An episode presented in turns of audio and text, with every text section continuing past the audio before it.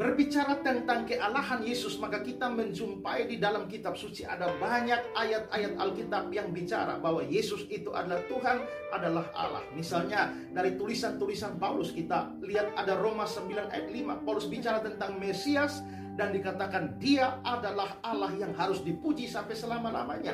Dalam Titus 2 ayat 13 Paulus bicara tentang kita menantikan pengharapan Allah dan juru selamat kita Yesus Kristus. Lalu nanti dalam Filipi 2 ayat 5 sampai 7 Paulus bicara tentang Yesus Kristus yang ada dalam rupa Allah yang setara dengan Allah. Jadi Paulus jelas percaya bahwa Yesus itu adalah Tuhan adalah Allah.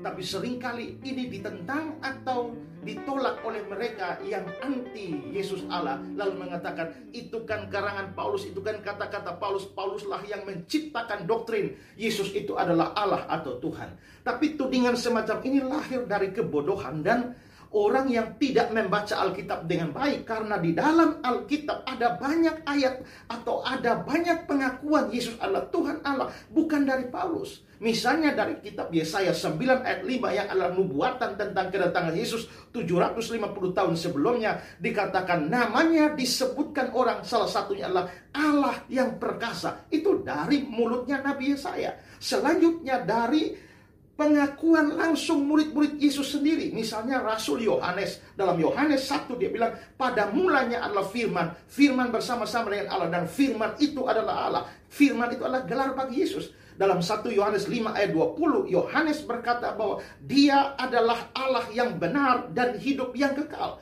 Berarti ya, Rasul Yohanes percaya Yesus itu adalah Allah. Lalu kita juga bertemu misalnya Rasul Thomas. Di dalam peristiwa kebangkitan, Thomas membuat pengakuan iman yang luar biasa. Ya Tuhanku dan Allahku. Berarti Thomas percaya Yesus Tuhan, Yesus Allah. Juga Rasul Petrus. Di dalam 1 Petrus 1 ayat 1, dia bicara tentang Allah dan Juru Selamat kita, Yesus Kristus. Berarti Petrus pun percaya Yesus itu adalah Allah.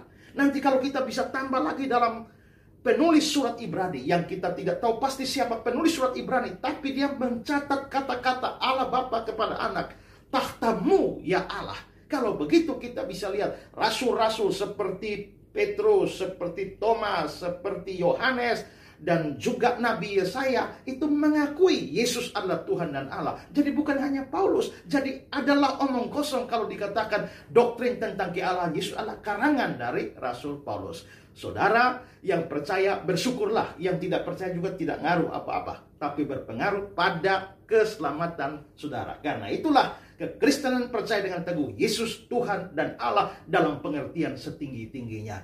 Percayakah saudara akan